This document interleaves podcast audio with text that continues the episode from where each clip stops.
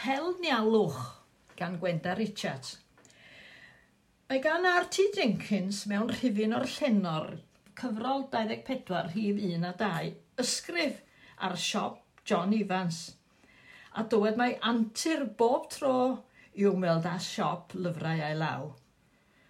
Ni wyddwch yn y byd mawr beth fod yn y siop.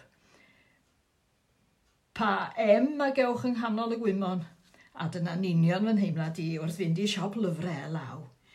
I siop hen greiriau, i sel cys car, neu hyd yn oed i ocsiwn.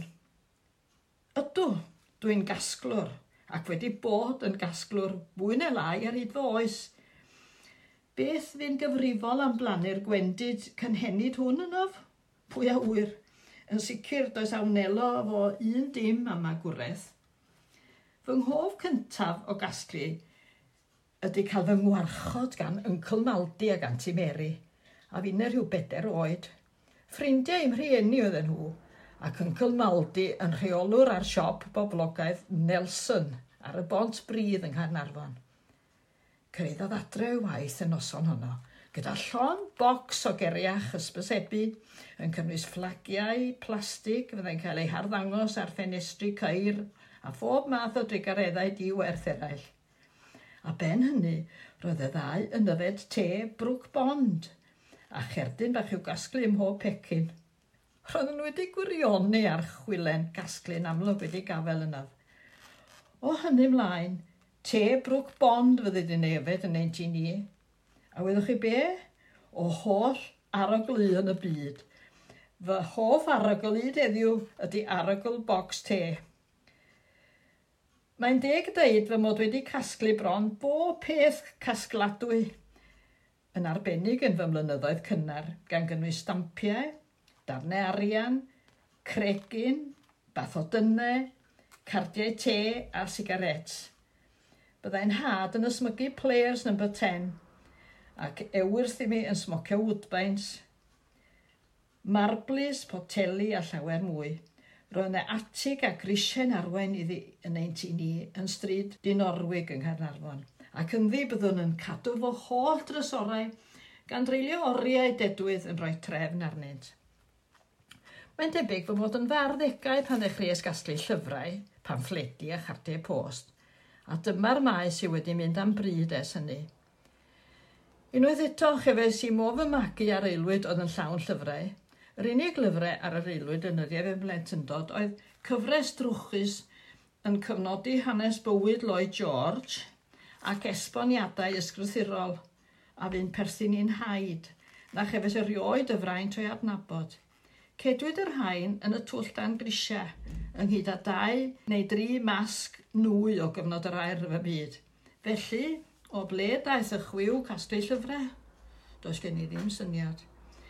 Cymerodd rai blynyddoedd ddim i sylweddoli fod rhai dethol wrth gasglu a cheisio arbenigio mewn un neu ddau o feisydd. Mae angen gryn dipyn o ofod i gadw llyfrau a chredwch i fi, mae'r tŷ ac yn orlawn ohonyn nhw. Mae yma lyfrau hanes lleol Sir Ganarfon a Sir Fôn ynghyd â chylchgronau, pamffledi a llyfrau, hynny ydy yr hyn y gyfeirir ato fel ephemera ac erbyn hyn mae gen i gasgliad go arbenigol sy'n tyfu'n wythnosol a rheini'n llenwi bob dwll a chornel. Llaw ysgrifau hefyd a llyfrau'n cynnwys llofnod awduron a beir. Maes arall fy niddordeb ydy cardiau post. Unwaith eto, yn canolbwyntio ar Sir Garnarfon a Sir Fôn, ond wedi dweud hynny, mae hen gardiau post o bob rhan o Gymru a Phrydain o ddiddordeb i mi. Wedi'r cyfan does dim angen cymaint o le i'w cadw. Gallaf ymhyfrydu fod gen i gasgliad prin o gardiau post, pamffledi, llyfrynnau a llestrin cofnodi diwygiad 1904-05 dan arweiniad Ifan Roberts y diwygiwr. Wedi ymddeol mae gen i rwydd hynt i fynd ar sgowt i siop elusen neu i sel cist car am un bob tro yn llawn bryfrydedd a chwilfrydedd.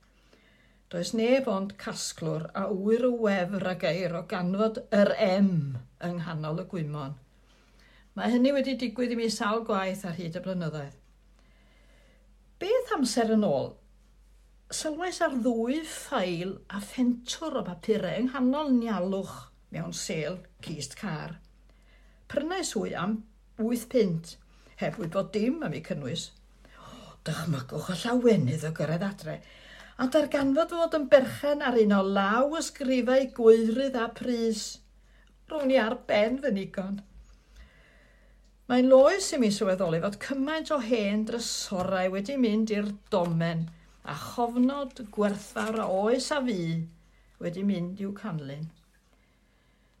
Mae'n debyg na fydd cyfran helaeth am casgad unau'n fawr o ddiddordeb i neb arall ond bydda wedi ceisio sicrhau fod y pethau pryn sydd yn fy meddiant yn cael ei diogelu ar gyfer y genhedlaeth nesaf. Na, does gen i'r un syniad o ble tarddodd y chwiw casglu. Yr hyn a wni a'r hyn sy'n cyfru ydy, iddo roi cymaint o bleser i mi. Wedi'r cyfan, dydy pawb ddim yn gwirionnu'r un fath.